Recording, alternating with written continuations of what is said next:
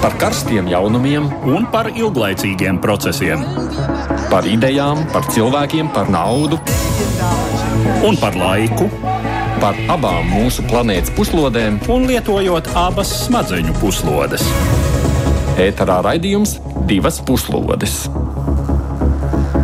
Edvards Liniņš un Aits Tamsons saka, ka jums labdien! Ir nedēļa pagājusi, kopš mēs tikāmies šajā raidījumā, un pasaules uzmanība joprojām ir fokusēta tuvo austrumu virzienā. Izraela ir sākusi virszemes operāciju Gazas sektorā. Kā jau tika prognozēts, tā nes ar vien vairāk civiliedzīvotāju upuru. Spriedze pieaug, un tas savukārt ietekmē noskaņojumu ar vien plašākā reģionā. Daudz valsts izmanto konfliktu savās politiskajās interesēs. To dara Turcija, tā rīkojas Krievija. Nu, ebreju grautiņu Dagestānā liek arī jautāt, cik lielā mērā Krievija spēja kontrolēt noskaņojumu savā valstī. Kamēr pasaules uzmanība pievērsta Izrēlai, maz pamanīta ir vēl kāda drāma. Pakistāna pieprasījusi līdz šodienai pamest valsti visiem afgāņu bēgļiem, kam nav atbilstošas uzturēšanās atļaujas, bet tie ir nepilni divi miljoni cilvēku. Kas notiek un kas notiks ar šiem cilvēkiem? Kopā ar mums studijā notikums komentēs kolēģis Andris Sedlnieks, kurš raksta laikrakstam dienas veiks. Bet caur Zoom platformu raidījumam no Savienotajām valstīm pieslēdzies ieradies ir ārpolitikas institūta asociētais pētnieks un Delavēras universitātes doktorants Toms Rātfelders. Tev vēl rīts, tādēļ labrīt tev, Tom. labrīt, labdien! nu, bet mēs sākam vispirms ar notikumu attīstību Izrēlā. Pagājušajā sestdienā Izraels bruņu tehnika un buldozeri, lielāks skaits kājnieku un sapieru sāka iespiesties Gazas sektorā. Viņi virzās pa trīs galvenajiem vektoriem - no sektora ziemeļrietumu stūra paralēli jūrai, no ziemeļaustrumu stūra un no austrumiem apmēram sektora robežas vidusdaļā. Šobrīd droši apstiprināta ir Izraels aizsardzības spēku kontrole apmēram 3 km dziļumā taču atsevišķi ziņojumi vēsta par Izraels kaujas tehnikas parādīšanos arī tālāk sektora iekšienē, tā skaitā vien pāris kilometru attālumā no Gazas pilsētas centra. Tāpat pēc visas spriežot, Izraels spēki bloķējuši galveno sektoru šķērsojošo transporta artēriju, dēvētu par Salāha Adīda ceļu. Cik zināms, pretestību uzbrukošajiem izrāda Hamas, kā arī marksistiskās Palestīnas atbrīvošanas demokrātiskās frontes kaujinieki. Vakar Izraels gaisa spēki deva masīvu triecienu dzīvojumiem rajoniem Džebelijas bēgļu nometnē Joslas ziemeļdaļā. Triecienā esot nogalināts viens no Hamas militārajiem līderiem Ibrahims Bjāri, taču saskaņā ar Gazas pārstāvju un medicīnas darbinieku apgalvojumiem tas laupījis dzīvību arī daudziem civiliedzīvotājiem. Šis notikums jau izraisīs starptautisku reakciju. Triecienu nometnē nosodījusi Saudārābija, Kolumbija un Čīle un atsaukušas no Izraels savus vēstniekus. Savukārt Bolīvija paziņojusi par diplomātisko attiecību pārtraukšanu. Starp Izrēlai tuvāko reģiona valstu līderiem ar sevišķi asu retoriku pēdējās dienās izcēlies Turcijas prezidents Raģips Tājibs Erdogans. Pagājušā sestdienā viņš uzrunāja tūkstošus savas partijas pulcētu Palestīnas atbalstītāju Stambulas lidostā. Turcijas līderis atkārtoja savas jau agrāk paustās tēzes. Izrēla ir okupants, Hamas nav teroristi, bet gan brīvības cīnītāji, bet par pašreizējo karu atbildīgas ir Rietumvalstis.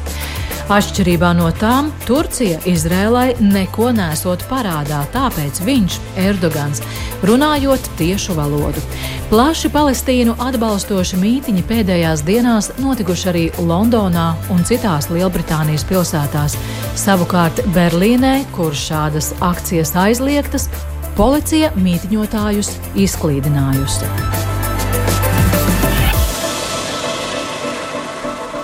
Nu, šobrīd viss notiek tā kā prognozēts. Armija, tiek, armija iet iekšā gazā, bojoši gājušo skaits aug, spriedzi arī. Un tālāk, Tom, un kas tālāk? Nu, tas ir lielais jautājums, kas tālāk. Nu, tagad ir lielās diskusijas, vai vispār Izrēlai ir um, tas saucamās izējas stratēģija, jeb exit stratēģija. Nu, nu, no vienas puses, jā, um, Tā ir pirmkārt būs milzīgs darbs, kas jāveic, um, iznīcinot Hamas uh, militāro infrastruktūru, visus tuneļus, atbalsta punktus, um, kas būs nu, nu ļoti, ļoti, ļoti grūti, uh, jo tas tuneļu garums, kas, uh, nu, principā Hamas tur ir, tas pārsniedz pats Dažos avotos esmu dzirdējis pat tūkstotis kilometrus ar, ar, ar pozīcijām milzīgām. Tāpēc, tāpēc tas, būs, tas būs ļoti ilgi, smags, ilgs, smags process. Pēc tam, ko Izraela darīs, ir vairāk scenāriju. Neviens no tiem nav, manuprāt, Izrēlai, Izrēlai ļoti, ļoti labvēlīgs. No vienas puses, protams, tā var mēģināt kontrolēt Gazas sektoru pati, bet Es šaubos, ka palestīnieši pieņem šādu scenāriju. Es domāju, ka būtu liela pretestība. Uh, un mēs zinām, ka Izraela bijusi spiesta aizvākties no gāzes sektora arī iepriekš. Um, kā, kas, kā mēs zinām, vai nebūs atkal tas pats scenārijs.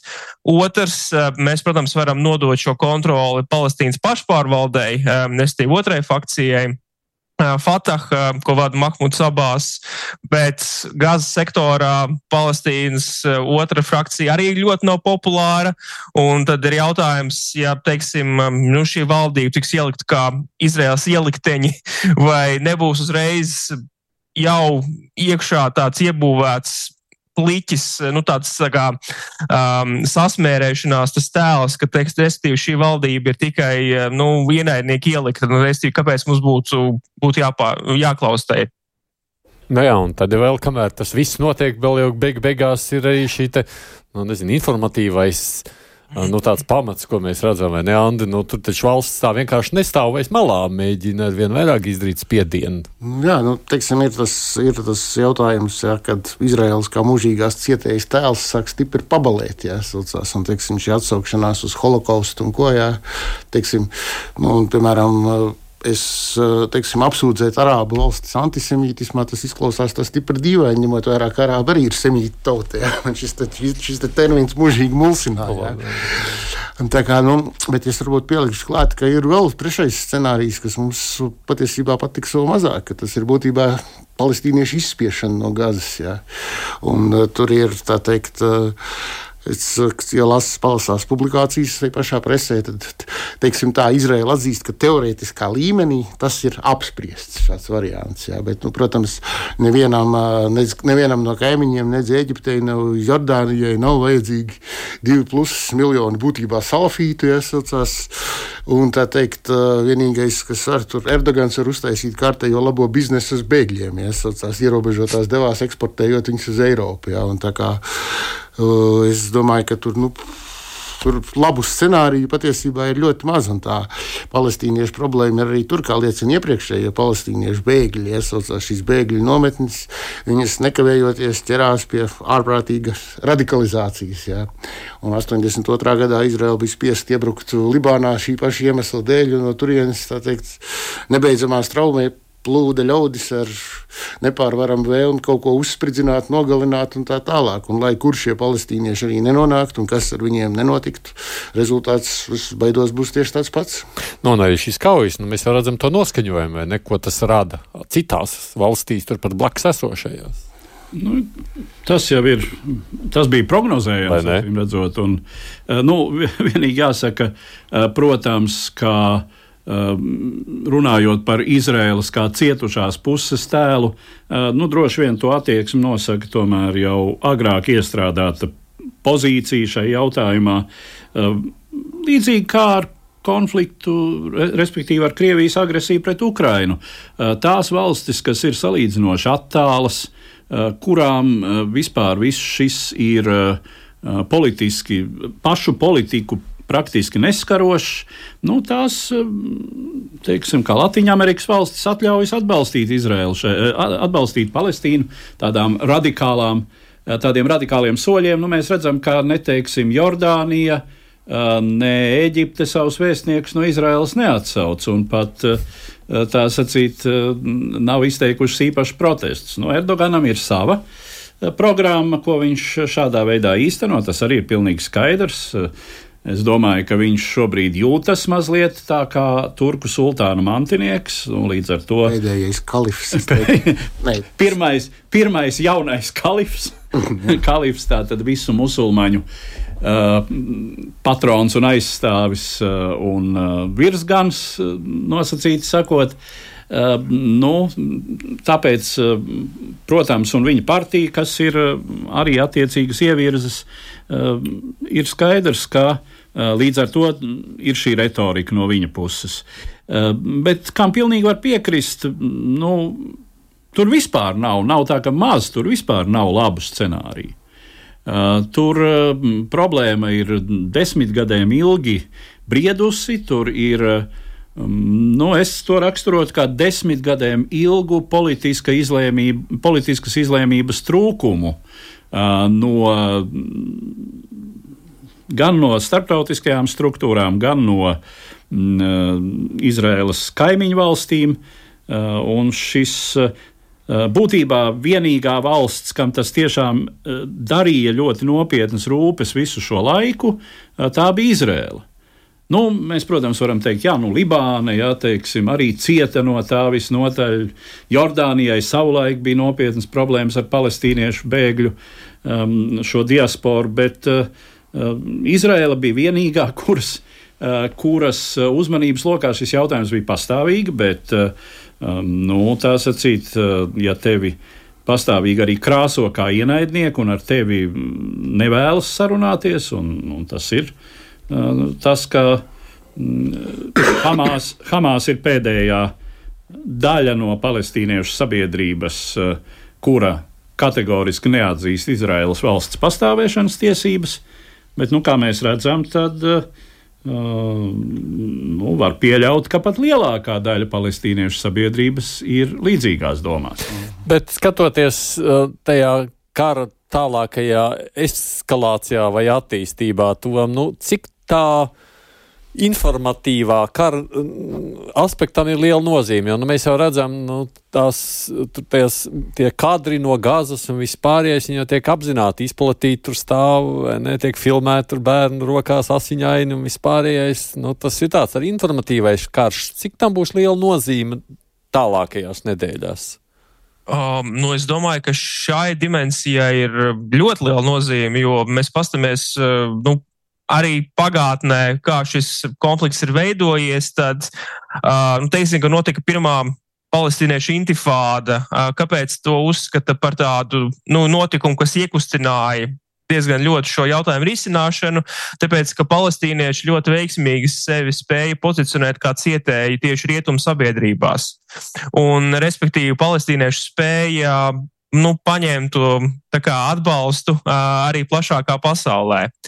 Un uh, es domāju, ka tagad uh, arī to abas puses mēģina dabūt to starptautisko atbalstu savā pusē, jo, ja notiek pietiekama starptautiskā atbalsta savākšana, tad uh, var pieaugt politiskais spiediens uz vienu vai uz otru pusi. Un um, es domāju, ka Hamas šajā situācijā cer, ka tagad Izrēla pietiekami teikt, aptraipīsies, tad arī pieaugs spiediens, teiksim, uz Amerikas valdību izdarīt uh, kaut kādu attiecīgu spiedienu uz Izrēlu, negrožot Izrēlas pozīciju. Tāpēc um, Man īsa atbilde būtu, ka šai dimensijai ir ļoti liela nozīme. Jā, tā ir tāda vēl lieta, ja, kad teiksim, mēs nezinām, maz pievēršam uzmanības islāma pasaules specifikai. Tur galvenais ir, ko saka imāms. Ja.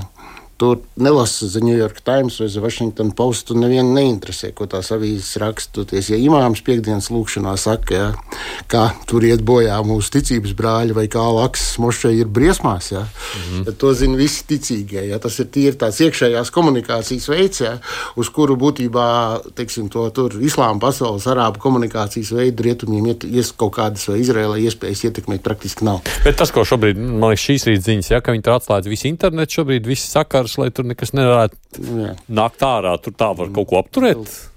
Principā, jā, nu, Ilons Masks jau tā kā kaut ko solīja, tikai starptautiskajām organizācijām, bet es baidos, ka tur nevienas starptautiskās organizācijas drīz vairs nebūs, neviena pārstāvja. Jā, nu, kas Tad, to zina? Nu, kaut kāda nozīme jau ir šai dalījuma līnijai uh, sektoru ziemeļu un dienvidu galā. Uh, nu, kā zināms, tā tad dienvidu daļa, uz kuru tad Izraela ieteica aizvākties pēc iespējas visiem civiliedzīvotājiem. Es pieļauju, ka militārās darbības plāns varētu būt saistīts ar uh, okupāciju ilgāku vai īsāku ziemeļdaļā, nu, acīm redzot, līdz brīdim, kad tur, kad tur iznīcinātu šo konkrēto infrastruktūru, eh, jo no ziemeļdaļas ir aizsniedzamākas Izraels lielākās pilsētas, ciemati, tur tā dienviddaļa robežojas ar tādu salīdzinoši mazapdzīvotu Izraels stūri.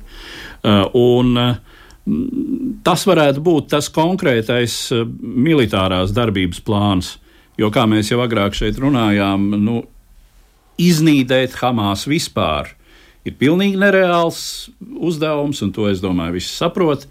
Un arī jautājums par to, vai var Hamas iznīdēt Gazas sektorā, ļoti apšaubāmi. Ja? Un vai Izraela sev arī stāda šādu mērķi, tur visus izķert ja? šīs militārās operācijas rezultātā, un tad vai nu likvidēt lai dabūtu pie taisnas tiesas. Nu, es jau, man liekas, sadzirdu tev pēdējo dienu retorikā pāris dienas no Izraels puses. Nē, nē, nē, mums mērķis ir sagraut viņus kaujas spējas. Nav vairs tā, ka iznīcināt nu, Hamas. Tas ir, nu, tas ir būtībā nereāli. Viņi, ir, teiksim, viņi jau var, var izplatīties pa visurienu. Viņi ir visur, jā, saucās. Un, jā, varbūt vēl piebilst par to ietekmi. Jā. Bet kaut kur izskanēja ziņa, ka Amerikas musulmaņu asociācija, vai kā viņi tur saucās, tā organizācija, kas tradicionāli balso par demokrātiem, ir tā teikt. Mm es nesapratu arī uz vienu aci to pārliecināts, vai nu pilnā sastāvā, vai vadība, vai kā, ka izvirzīs ultimātu, ka, ja nepārtrauks, tad viņi neatbalstīs demokrātus nākošajās vēlēšanās. Tas nav daudz. Par republikāņiem viņi balsot, tas ir vēl trakāk, ja? bet viņi var ņemt un nobalsot par kaut kādiem zaļajiem vai par Kenediju, kurš tur izlēms iet atsevišķi. Un, vai vienkārši neaiziet uz vai vienkārši neaiziet. Un tas ir, kad ņem vērā, ka, spē, ka tas samērs atkal būs 50-50 un viņi dzīvo daudz tieši tajos svārstīgajos štatos tas ir, tas ir nopietns spiediens. Amerikāņi nevar nereiķināties arī ar saviekšā politiku, bet pabeidzot vēl šo domu, ko Edvards sacīja par ziemeļiem un dienvidiem, domu, kā tad izskatās. Pagaidām mēs gaidām armiju, tikai dzīvājamies pa ziemeļiem un tur nu, tā kā darbojamies. Mm. Nu, pagaidām, ka prior, izskatās, ka prioritāte ir tā, ka viņi mēģinās at, um, nu, kā, mm, attīrīt Hamas no šīs Gazas pilsētas, kas ir nu, tas Hamas varas centrs. Kā. Un, kā arī jau iepriekš minēju, studijā ļoti, ļoti precīzi, no ziemeļ, ziemeļdaļas tieši ir visvieglāk aizsniegt arī šīs Izraels pilsētas. Tāpēc prioritāri pagaidām ir tik galā ar šo infrastruktūru, kas ir ziemeļdaļā. Um, Kas būs tālāk, mēs, mēs nezinām, bet es domāju, ka tuvākajās dienās uh, uzmanība tiks pievērsta uh, šim sektoram. Interesanti, tur izdosies beig beigās kādu arī atbrīvot nu, tā, tā ķilnieku tematika jau nekur nav pazudusi. Tur ir kādas cerības, ka tur kāds varētu. Nu, ja viņi paši atlaidīs, tad izdosies. Tikai tik. Nu, tu tur teiksi, es kaut kur izskanēju, zinu, ka karavīri jā, tur atrada. Karavīri, jā, bet nu, kaut ko kādu varbūt izdosies, bet pretējā gadā nu, es domāju, ka nu, tur ļoti maz. Jo, teikt, tas, kas tur teiksim, ir vizuāli, kas tur notiek, tur ir tuneļi iekšā metriem zem zemes betonā. Tur tā teikt, vajag dikti specifiskas aviobumbas, lai to visu dabūtu jā, jā, kopā. Nu, versijas tur... tiek izteiktas visādas, iesūknēt. Uh, skābekli uh, savienojumā ar uh, ko tur vēl izraisot uh, gāzu eksploziju, kas tad, nu, tāda brutāla, brutāla tehnoloģija, kas, protams, jā, tur ir vienalga vai gūstekņi, vai civiliedzīvotāji, vai jebkas, jebkurš tais tuneļos, tad ar to arī beidzas. Uh, bet um, nu, tā ir. To mēs uzzināsim pēc tam, pēc kādus līdzekļus Izraela lietos uh, tehniski. Uh, teiksim tā, par Izraēlas tehniskajām iespējām ir vismazāko. Es vienkārši domāju, tik daudz, cik tur iekšējais arī pašā Izraēlā ir tas spiediens, nu, mēs redzējām, tur trīs nofilmētās jā, tad, tad Hamas gūsteknes, uh, kuras tur viena laikam ļoti cītīgi uzbruka Netanjahu, ka viņš ir atbildīgs par visu to, kas ir noticis 7. oktobrī, pieļāvis tādu lietu. Uh, nu, proti pašā Izrēlā jau arī taču jādomā, kaut kāds politiskais spiediens uz esošo valdību ir? Viņi parasti šādos gadījumos, tā teikt, atliek attiecību skaidrošanu uz vēlāku laiku. Kad karš beigsies. Jā. Jā, nu, tad pēc tam varbūt, jā, tad tur, tā teikt, kā jau pats Netanjahu teica, ka visiem nāksies atbildēt viņu ieskaitot, bet kad tas būs, nu, tas būs vēl kad. Un Cits... Netanjahu ir ilgstošas atbildē, atbildēšanas speciālists, kā zinām. Nav tā kā Golda Meira, kur tur atbildēja par šo te, kur atkāpās no amata dēļ līdzīgiem notikumiem un tā tālāk. Es domāju, ka Netanjahu tur vēl ilgi ņemsies. Nu, Šādā karā, kā jau mēs te pieminējām, svarīgi ir ne tikai tā kara darbība, tas nemazāk ietekmīgais ierocis ir informācija, un līdz ar to tas ietekmē to noskaņojumu citur. Nu, svarīgi jau ir, kāds kara sakarā notiek citās valstīs, tad šīs ziņas satrauc un pievērš uzmanību. Nu jau vairāk nekā 40 gadus Afganistāna dzīvo iekšēju satricinājumu un ārvalstu intervences situācijā, un šais desmitgadēs miljoniem afgāņu atraduši patvērumu kaimiņu valstī Pakistānā. Pēdējais bēgļu vilnis sasniedza Pakistānu aizpagājušajā gadā, kad varu Afganistānā sagrāba radikālā islāma kustība Taliban. Tiek lēsts, ka tolaik pāri robežai bēga no 600 līdz 800 tūkstošiem cilvēku. Līdz ar to afgāņu skaitam kaimiņu valstī pēc Pakistānas varas iestāžu ziņām pieaugot līdz apmēram 4 miljoniem un 400 tūkstošiem. Kā norāda oficiālā Islamabada, apmēram 1 miljons un 730 tūkstoši afgāņu Pakistānā uzturoties bez kāda oficiāla statusa. Oktobra sākumā tika paziņots, ka viņiem valsts jāpamet līdz 1. novembrim, vai arī jārēķinās ar deportēšanu. Tiek ziņots, ka pēdējās nedēļās desmitiem tūkstoši afgāņu, nesagaidot piespiedu izsūtīšanu, jau devušies pāri robežai. Tikām daudzi to nav gatavi darīt. Sevišķi tiem, kuri bēguši uz kaimiņu valsti no talibu varas. Viņiem atgriešanās dzimtenē draudētu ar nopietnām represijām, iespējams pat dzīvības briesmām. Pakistānas lēmumu kritizējuši kā cilvēktiesību aizstāvības organizāciju pārstāvji, tā Afganistānas talibu valdība, kurai masveidīgā cilvēku plūsma pāri robežai rada papildu rūpes. Jāpiebilst, ka pametot Pakistānu, izraidītajiem ļauts ievest vien ierobežotu daudzumu mantu un naudas, nav atļauts ņemt līdzi mājlopus. Islamabadas valdība savu lēmumu motivēja ar drošības apsvērumiem. Pēdējā laikā nozīmīgi pieaudzis bruņoto uzbrukumu skaits, kurus pierobežas rajonos veids radikālo islāmistu grupas, kuras apvieno jumta organizācija, dēvēta par Pakistānas Talibanu. Organizācijai nav tiešu saikņu ar Afganistānā valdošo talibu partiju, un pēdējā noliedz, ka sniegtu atbalstu un patvērumu šai grupai. Tomēr abas grupas, kā jau liecina nosaukums, ir idejiski tuvas, ar līdzīgiem mērķiem un programmu. Pie tam abās dominē puštunu tautības piedarīgie, kuri apdzīvo rajonus apus valsts robežai. Fonu šiem notikumiem veido ieilgusi politiskā krīze Pakistānā, kur augustā tika atlaists parlaments, savukārt vēlēšanas, kurām bija jānotiek nevēlākā 8. novembrī, atliktas uz līdz šim neapstiprinātu datumu nākamgad, pamatojot to ar nesen notikušo tautskaiti. Attiecīgi lēmumu par afgāņu izraidīšanu pieņēmusi pagaidu premjera Anvāra Ulhaka Kakara valdība. Divas puslodes. Atgādina raidījumā. No Savienotajām valstīm mums attālināti piedalās Delavēras universitātes doktorants Toms Rātfelders. Studijā bez manas Edvarda ir laikraksta dienu komentētājs Andris Sedlnieks bruņotu kaujinieku dēļ valsts ir jāpamet gandrīz diviem miljoniem cilvēku. Es to saikni nevaru salikt kopā. Nu, šiem cilvēkiem nav uh, tur legālas uzturēšanās iemesla. Nu, lieta ir tāda, ka mm, par to jau mēs arī agrāk esam runājuši, ka Afganistānas un Pakistānas robeža joprojām ir stipri nosacīta. Uh, tie ir kalnu rajoni, uh, kur vispār teiksim, tāda robeža sargāšana ir grūti organizēt. Tā robeža ir gara, tie ir simtiem kilometru. Uh, un vietas, kur šo robežu var šķērsot nelegāli, ir gana daudz.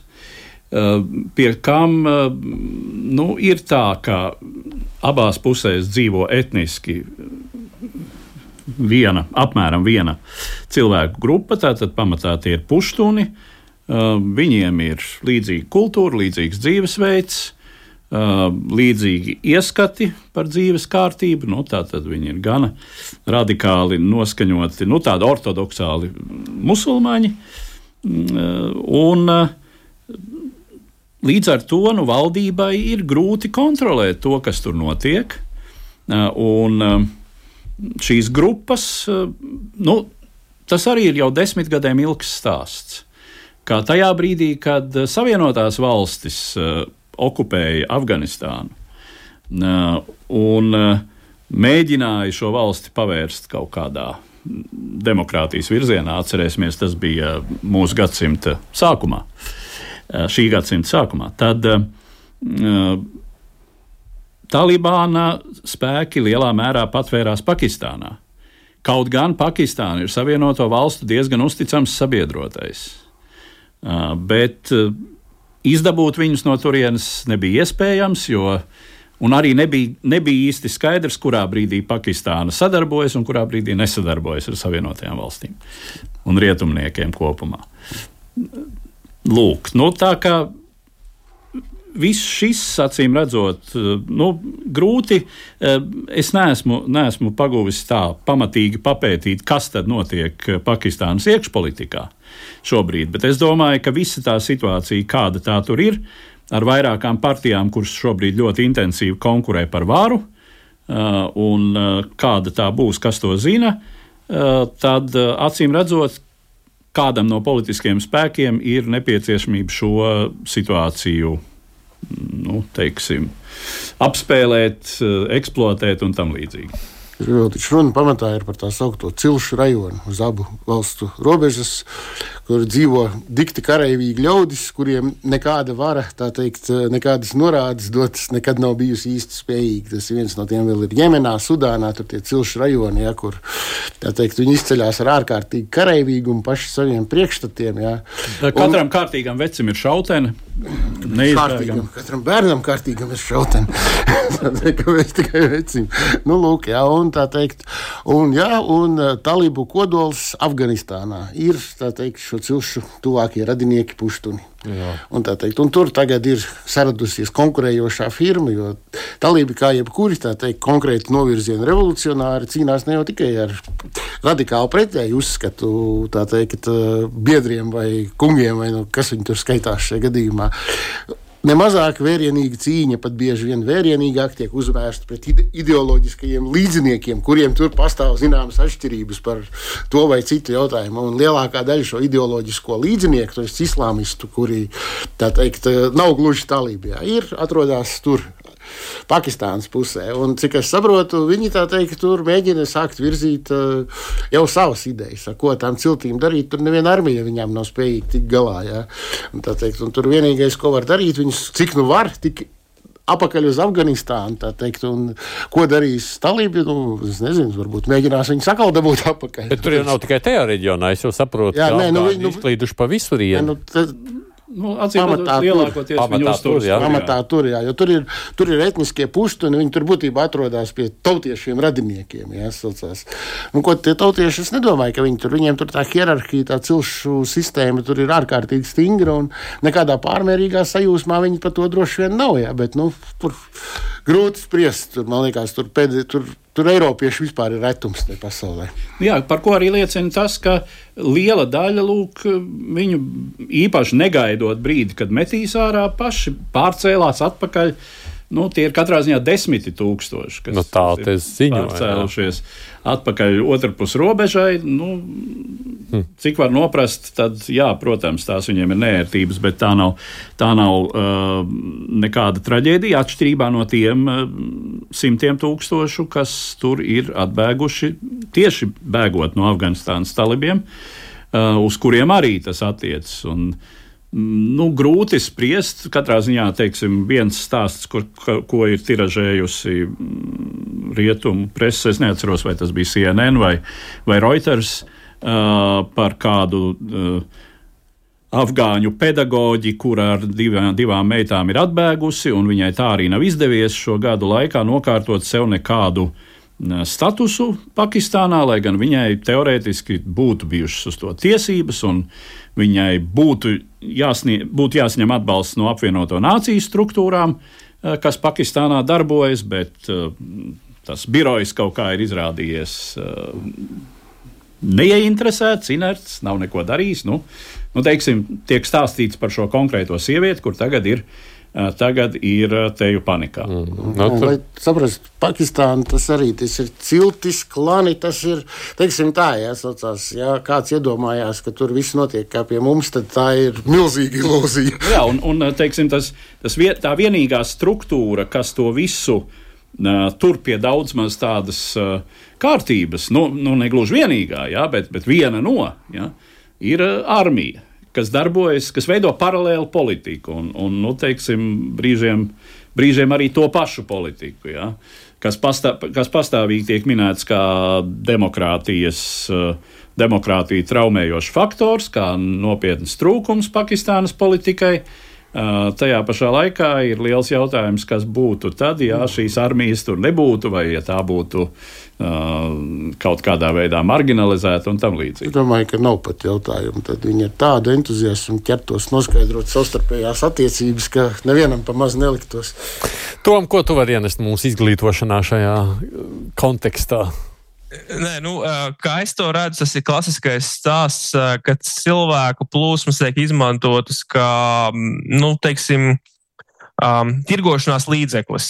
Um, nu, līdzīgi, respektīvi, kā Erdogans arī vienmēr saka uz Eiropas Savienību, kad mēs atvērsim slūžas un pārpludināsim jūs ar bēgļiem, jo jūs nedarīsiet to, to, to. Un tad šajā gadījumā tas stāsts ir.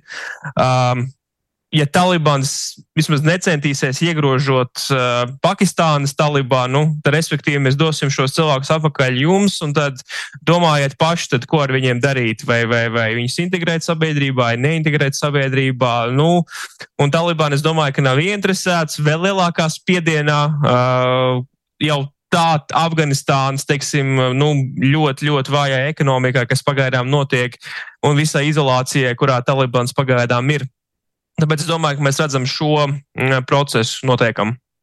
Bet tad pieminētie tie, nu, un es jau nezinu, cik daudz, kas ir bēguši no paša Talibana režīma. Kas ar tiem savukārt to? Um, nu, um, es domāju, ka tādā gadījumā Talibans būtu ok, nu, ne, ne ok, bet nu, katrā gadījumā viņš tiks sodīti. Uh, tad, ja, tad, ja viņi, no, tad viņi atnāktu atpakaļ. Um, nu, um, katrā gadījumā um, šis ir stāsts tiešām par to, ka abas puses mēģina kaut kādā veidā noskaidrot savas, savas attiecības, piedāvāt vienai pusē kaut ko, ko otra puse tā kā. Um, kas otrai pusē nevien, ne, nebūtu ieinteresēta, nebūtu ieinteresēta, lai izdarītu otru pusi kaut ko. Restīvi, noteikti tirgošanās, noteikti mēģinājumi piespiest otru pusi. Es piebildīšu pie To teikt, tā mm. vēl ir nu, talība starptautiskā atzīšana, kā Afganistānas jā. varas, jā, un tas arī tur. To viņi bieži izmanto dažādās tirzniecībās. Nu, iespējams, ka tam arī ir šis es nezinu, bet iespējams, ka tas par to arī notiek kā tirgošanās, ka mēs jūs atzīsim, ja jūs to jāsaucās, bet mēs to nevaram, un tad, un tad tā kā anekdotē, tad nekādas mūķenes uz somu pirti.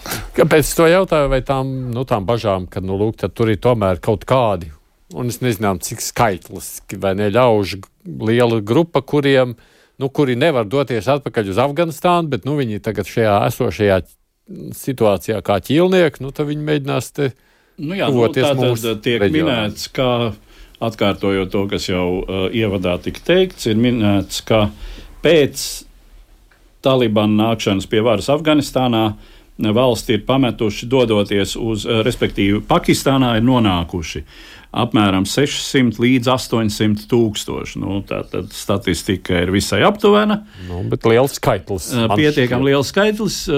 Tas, protams, nenozīmē automātiski, ka viņiem visiem atgriežoties Afganistānā draudētu teiksim, nomētāšana ar akmeņiem vai, vai cita uh, baisa nāve. Uh, Bet, nu, ka viņi lielāko tiesu ir pametuši šo valsti, tāpēc, ka viņi nevēlējās palikt talibu varā, nu, tas arī ir diezgan skaidrs.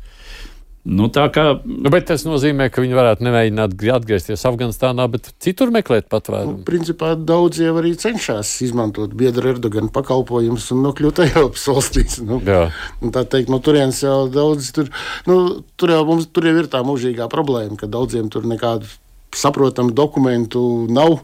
Iespējams, pat nekad nav bijis. Un, kad šie cilvēki nonāk līdz kādai Eiropas valstī vai kur, tad viņiem vienkārši ir jātic uz vārdu gandrīz. Vai, ja? un, un es pieļauju domu, ka cik, es, cik es, tā plūsma no turienes, tā bēgļu strauma caur Pakistānu uz Eiropu visu laiku kaut kāda ir. Kaut kāda ir, jā. Tagad varētu būt lielāka. Nu, droši vien, jā, saucās. Biedrs Erdogans atkal varēs kādu naudu iekasēt pa starpu. Tur, nu. Tad mēs gaidām jaunu, jeb lielāku vilni ar Afgāņiem. Līdz Piedram Erdoganam Eiropa. gan arī ir jātiek. Tur vēl ir priekšā nu, vairākas robežas un vairāki tūkstoši kilometru. Bet vai pasaule, nu, tāda, es domāju, kaut kāda starptautiskā sabiedrība, tur amerikāņi vai vēl eiropieši kaut ko mm, jauksies iekšā, vai nu, viņi tur šobrīd daudz, būsim godīgi tas, ja kādu interesē, tad tikai politikas ekspertus, un tas ir tik ah. tālu. Saprast, eh, kas tur ir bez kādas ļoti rūpīgas iedzīvošanas, tur, iedziļināšanās, tur visas nianses saprast ir grūti. Ja?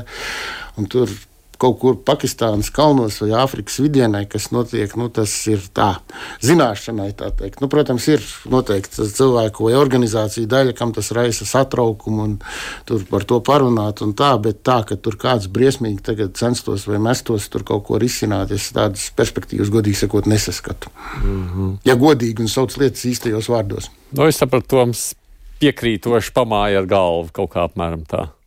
Nu, es varu pastāstīt, no, no Amerikas skatoties, es tagad um, to temperatūru nedaudz esmu mēģinājis sajust, kā ir ar Afganistānas atbalstu. Un uh, tas sentiments izskatās pagaidām ir tāds, ka mēs uh, 20 gadus mēģinājām kaut ko tur izdarīt, un mēs izgāzāmies. Un mēs, protams, varam turpināt to darīt vēl vairāk, bet, kā tas teiciens ir enough is enough.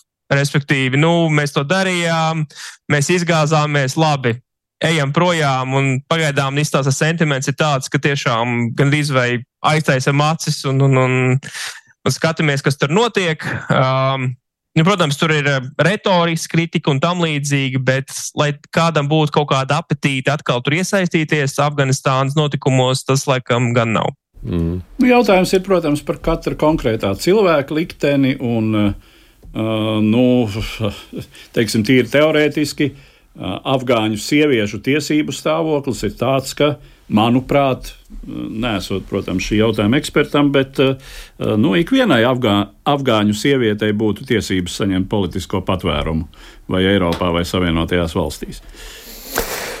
Ah. Izejot tādu apli, mēs atgriežamies mazliet pie notikuma atskaņām. Tagad atkal savukārt no uh, Izraēlas. Šajā kontekstā pēdienas vakaru daudz pārsteidza tādi negaidīti kadri no uh, Ziemeļkaukāza. Un tas, ko tur daudz ieraudzīja savos internetu vai telefona ekrānos, nu, tā kā pārsteidza. Pamatoti, nepamatoti, vispirms ieraksts.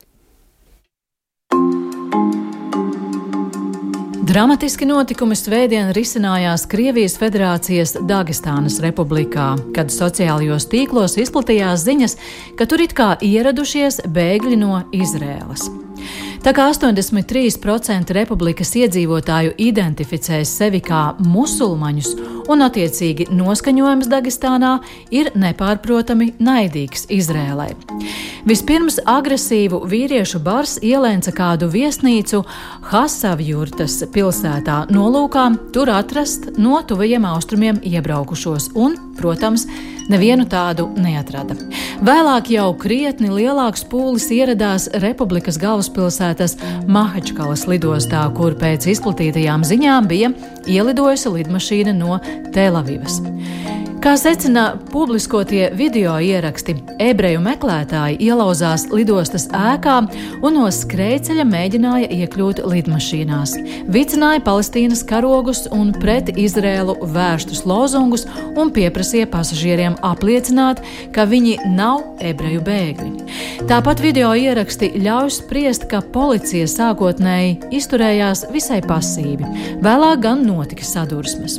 Pēc aģentūras Associated Press ziņām Nekārtībās ievainojumus guvuši desmit, divi ir smagā stāvoklī. Vēlāk gan apmēram 80 cilvēku arestēti, pieci jau sodīti ar vairāku diennakšu arestu par sīko huligānismu, taču ierosināta arī krimināllieta par dalību masu nekārtībās, kas jau paredz daudz bargākus sodus. Dagestānas republikas galva Sergejs Meļikovs paziņoja, ka pūli uz nekārtībām uzkūdījuši ienaidnieki, kuri uzturoties Ukrainā. Tikām Mahačkalas notikumi ir tikai asākais īlens, kas izlīdis no pēdējās nedēļās uzblīdušā globālā antisemītisma maisa. Tiek lēsts, ka antisemītisku incidentu skaits pasaulē, salīdzinot ar attiecīgo periodu pērn, pieaudzis vairāk kārt, bet Lielbritānijā pat 14 reizes. Visbiežākie, protams, ir naidīgi ieraksti sociālajos tīklos, taču dažviet fiksēti arī tieši verbāli un pat fiziski uzbrukumi, īpašuma bojāšana un vandālisms.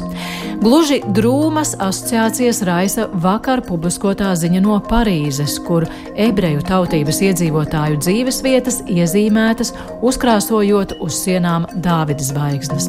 Paralēli tiek atzīmēts arī islāmofobijas izpausmu skaita pieaugums. Kur tas viss mūs ved? Es varbūt par to Dagestānu. Tur ir runa par salafītiem, tiem pašiem bieži piesauktajiem radikālu novirzienu musulmaņiem, konkrēti, konkrēti imāma klausītājiem, kuriem tā teikt pietiek tikai nosvilpties tautas valodā, izsakoties, un kuri ir gatavi tricināt tur jeb, jebko. Jā. Gan vairāk piemin telegramu kanālus. Jā, nē, nu, teiksim, stāsts par to telegramu kanālu, ka viņi, bet uh, viņi arī ir tā telegramu kanāla auditorija, cik es sapratu. Vēl ir labs jautājums, kas tur aiz tā telegramu kanāla stāv, jāsaucās, jo stāsts ir tur, ka tās vietējās varas iestādes, cik es saprotu, uz viņiem ir sākuši skatīties, lai saprastu, tie ir tie paši, ja, kas, piemēram, tie bārdainie vīri, kas karoja Ičkērijā, jāsaucās, tie ir radik, pavisam radikālie islāmisti, kuriem tā teikt, vienīgā vara ir kalifs un vienīgā pareizā valsts. Ja, saucās, tā ir šariāta valsts. Ja. Un šariāta valsts tā ir musulmaņu valsts, kur citi cīmniekiem īpaši daudz vietas, ja kas nav atvēlēts. Nu, lūk, jāsaucās. Un tā ir tā publika. Jāsaucās. Un tas ir tā teikt, un tas jautājums, es saprotu, tagad ir, kā, kad tiek uzdots tam vietējām varas iestādēm, kā tas nākās, ka viņi te ir sazēluši krāšņiem ziediem. Jā, un tā tālāk. Jā, tā kā, nu, tas, ir tāds, tas ir tāds īpašs ekscess, bet tas, kas man šajā gadījumā satrauc, ir viņu jau, teiksim, nu, tas ir konkrēti musulmaņu reģions, republika un tā tālāk, bet šādu pašu uzskatu ļaudis jau ir Londonā, Parīzē, Berlīnē un tā tālāk. Un Maskavā un Sanktpēterburgā. Visur, kur jā. ne, nu, labi, es Dagestānā pats esmu bijis savulaik arī Makačkalā tajā skaitā un vēl bērnībā, vēl padomju laikos, kad tur jau tas, nu, tas pretkrieviskais bija un tur visu laiku ir tas tur, nu, tādā ziņā nu, tā dominējis ar tādu aizdomu skatu punktu. Tur jau šobrīd, es saprotu, ne jau tikai ebreji tiek um, meklēti rokās, kaut kāda dievnam arī tur laikam logi ir izdauzīti un vēl vispārējais. Tas... Nu, tas, ir, tas ir vairāk, teiksim, nu, tas ir vairāk vietējo tāds, bet nu, tas, tas pilgti ataino to, jāsaucās, kad būtībā, kad tas ir iespējams, nu, praktiski jebkur. Jā, nu, atbildot uz tavu jautājumu, kur tas ved, tas tāda uh, retoriska atbilde varētu būt, ka ved atpakaļ uz viduslaikiem. Uh, jo, nu, Jaunie viduslaiki mums būs pavisam jaunie. Jā, uh, tā tad. Uh, priekšstats par to, kā labākais, ko izdarīt ar citādi ticīgo, respektīvi no tavas ticības viedokļa neticīgo, ir viņu nolikvidēt. Nu, tas ir priekšstats, kurš Nu, tā, nu, Latvijā tāds valdīja apmēram pirms 300, 350 gadiem. Ja? Tas viss ir reliģija. vai tautība? Kas tur ir? Jā, tas citu ir interesanti. Tā ir paralēle, tā ir starp citu paralēle arī ar um, palestīniešu uh, kustībām, uh, kā sākotnēji līdz apmēram līdz pagājušā gadsimta beigām. Uh, tās pamatā bija nacionālistiskas, runājot par tiem pašiem palestīniešiem. Nacionālistiskas, sekulāras, dažas marksistiskas. Uh, Islāmisti pastāvēja, bet tiešai kustībā bija margināli. Sākot ar gadsimtu mīju, arvien vairāk iezīmējas šis islāmisma moments. Tāpat mēs atceramies uh, Čečēnijas krīzes, kādas tās bija. Sākotnēji tas bija mm, Čečenu nacionālā valstiskuma prasījums, Um, neatkarība no Krievijas, vai katrā ziņā ļoti liela autonomija, kas bija pirmā Čečenu kara un faktiski arī otrā Čečenu, Čečenijas kara uh, pamatmotīvs. Un tad arvien vairāk arī šeit sāka izpausties uh, islāma radikālisma notis. Un, un šobrīd nu, mēs redzam, kas ir Kadīrovs. Jā, ka, jā, lai nu kas, bet uh, formāli un, un uh, tā sacīt verbāli un, un izpausmēs viņš uh, nu, katrā ziņā sevi pozicionē kā uzticamu, uzticamu Allāha sekotāju. sekotāju. Nu, jā. Tom, kas tad tur aiz tā viss ir? Jo Eiropā jau nu, maz ticams, ka tas ir reliģiskais uh, motīvs, skatoties uz kaut vai ne, nu. pieminētajām Parīzes uh, Dāvida zvaigznēm. Uh, nē, nu, ja mēs skatāmies uz Eiropu tieši un uz ASV, tad nu, ir klasiskais stāsts, ka sabiedrība vienkārši polarizējās, tāpēc, ka notiek šāds konflikts. Nu, respektīvi, puse sabiedrības iet vairāk uz palestīniešu virzienā, puse sabiedrības iet vairāk kā, nu, Izraels atbalsta virzienā. Un tas vienmēr ir bijis rietumu sabiedrībās visus laikus, arī visus šos konfliktus. Par Dagestānas gadījumu. Man vienkārši viens faktors, kas liekas, man vēl arī tur spēlē lomu. Tā, protams, ir mana teorija, tikai es neesmu to pārbaudījis. Bet uh, nu, fakts arī, ka pati Krievija atrodas kara stāvoklī. Savā ziņā Krievija karo Ukrainā. Un līdz ar to Putins vienmēr ir izmantojis ļoti, ļoti polarizējošu retoriku. Nu, respektīvi, Uh, rietumi ir ienaidnieks, uh, mums vienmēr ir jāaizsargājās, mēs esam tā kā nu, cietokšņu valsts gandrīz vai. Un vienkārši es domāju, ka nu, šādā stāvoklī, ka tiešām mēs skatāmies uz pasauli melns, balts krāsās, tad, kad notiek nu, arī kaut kādi citi atrisinājumi, mēs šo melns, balts skatījumu arī viegli varam pārvērst uz kaut kādu, nu, teiksim, teiksim citu jautājumu, kas šajā gadījumā um, nu, ir šis antisemītismu jautājums. Tā kā es domāju, ka tas nav varbūt tas nu, galvenais faktors, jo, protams, man liekas, ka tur arī stāsts ir nu, par solidarizēšanos uz palestīniešiem, ar palestīniešiem, bet šis varētu spēlēt potenciāli arī tur lomu. Tu gribēji ko piebilst? Es jau aizmirsu, ko gribēju. Vienkārši skatoties redz, no tāda Eiropas viedokļa. Mums jau bija drīzāk, ja mēs reliģiskā kontekstā skatāmies, iebildes pret islāmu, nevis pret uh, jūdeismu, vai ne? Uh, nu, pēdējās, pēdējā, teiksim, uh, kādā 80 mm, gadu ciklā. Pirms tam jau, nu, maigi izsakoties. Nu, pirms tam bija citādi, bet es tā domāju tieši par mūsdienu. Ir kreisie, teiksim, tā ir, teiksim, ļoti daudz palestīnas atbalstītāji, ir kreisie liberāļi, teiksim, tā jāsaucās, kuriem reliģiskais, to, to, tas arī ir tas, ko es gribēju teikt, kuriem ah. reliģiskais motīvs principā ir ļoti maz svarīgs. Jā. Tā teikt, kreis, nu, tur ir, tur tā teikt, ir tīri sekulāri. Es domāju, ka, ja runā par tiešām par īstiem kreisajiem liberāļiem, eh, nu, tagad mums ir modē eh, praktiski te jau ikvienu nodēvēt par kreiso liberāli un uh, līdz ar to palestīniešu teroristu atbalstītāju automātiski. Bet, ja nu ir tiešām runa par tādas idejas, kas ievirs ļaudīm, tad es domāju, ka viņi patiešām šo reliģisko motīvu ignorē, domājot par viņu atbalstu palestīniešiem. Jo Mm, jo, nu, lai nu, lai nu ko, bet, bet šādu. Eh, šādu motīvu, nu, tas ir tik tālu no viņu tādas būtiskās ideoloģijas, cik vien var būt. Eh, ja viņi tajā pašā laikā tiešām atbalsta, atbalsta palestīniešus, ir vienisprātis ar, ar tiem, eh, kur tiešām iziet Eiropas ielās, tā izskaitā reliģisku islāma motīvu vadīti, nu, tad viņi vienkārši ir uzlikuši sev klapus uz acīm. Tā es to varētu raksturot.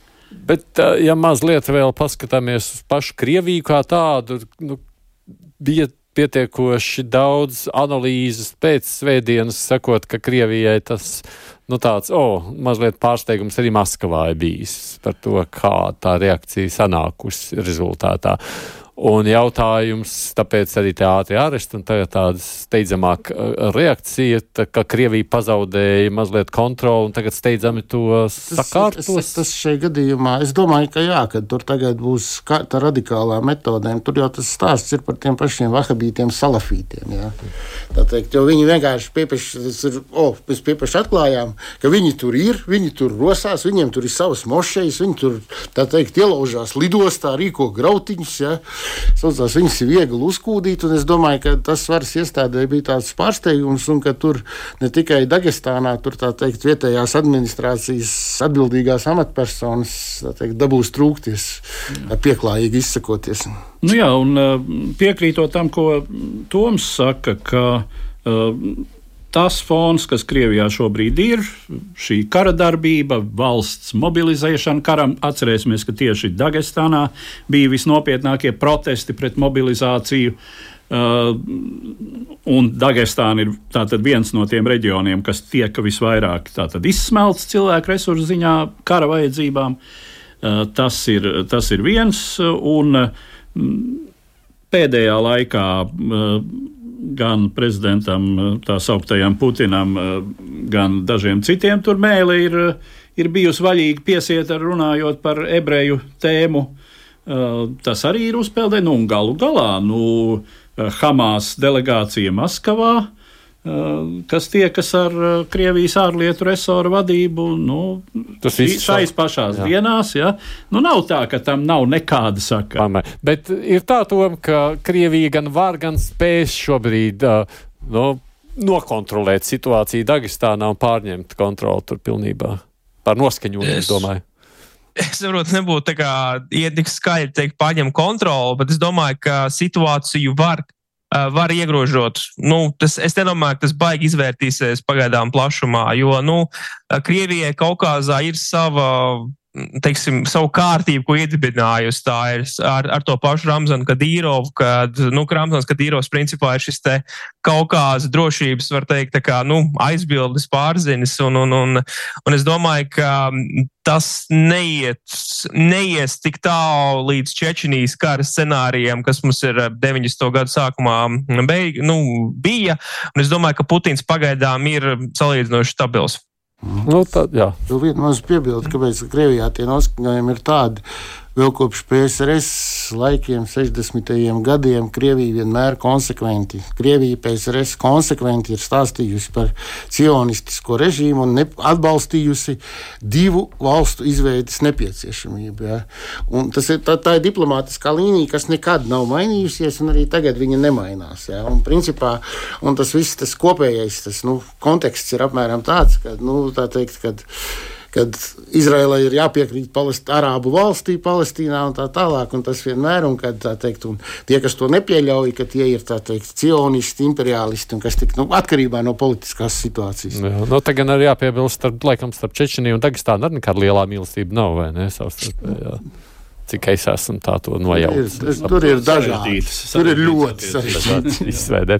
Uh, mums te, beidzot šo tēmatu, es vienīgais skatos, uh, Jānis mums te aicina varbūt kaut kad vairāk pievērst tieši, tieši tai vēsturei Izraēlas mūsu raidījumā, bet tev jau. Jā, tie, es atļaušos pareklamēt savu autoraidījumu šīs dienas acīm. Šo svētdienu un iespējams arī nākamā svētdienu mēs ar muzeja ebreju Latvijā vadītāju Ilju Ļenski uh, runāsim tieši par uh, Izraēlas un palestīniešu, palestīnas arābu attiecību vēsturi.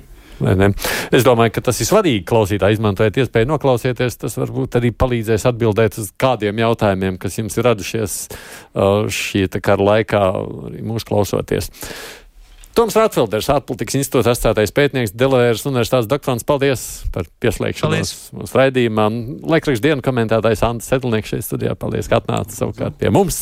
Jā. Nu, protams, kā vienmēr šeit Edvards Liniņš ar saviem gan ierakstiem, gan arī ekspertīzi. Mūsu producenti ir Ieva Zeiza. Nu, man sauc Aidis Tomsons, mēs tiksimies atkal nākamnedēļ. Nu, sekojam līdzi visiem notikumiem. Pasaulē noteikti ir nemierīgi.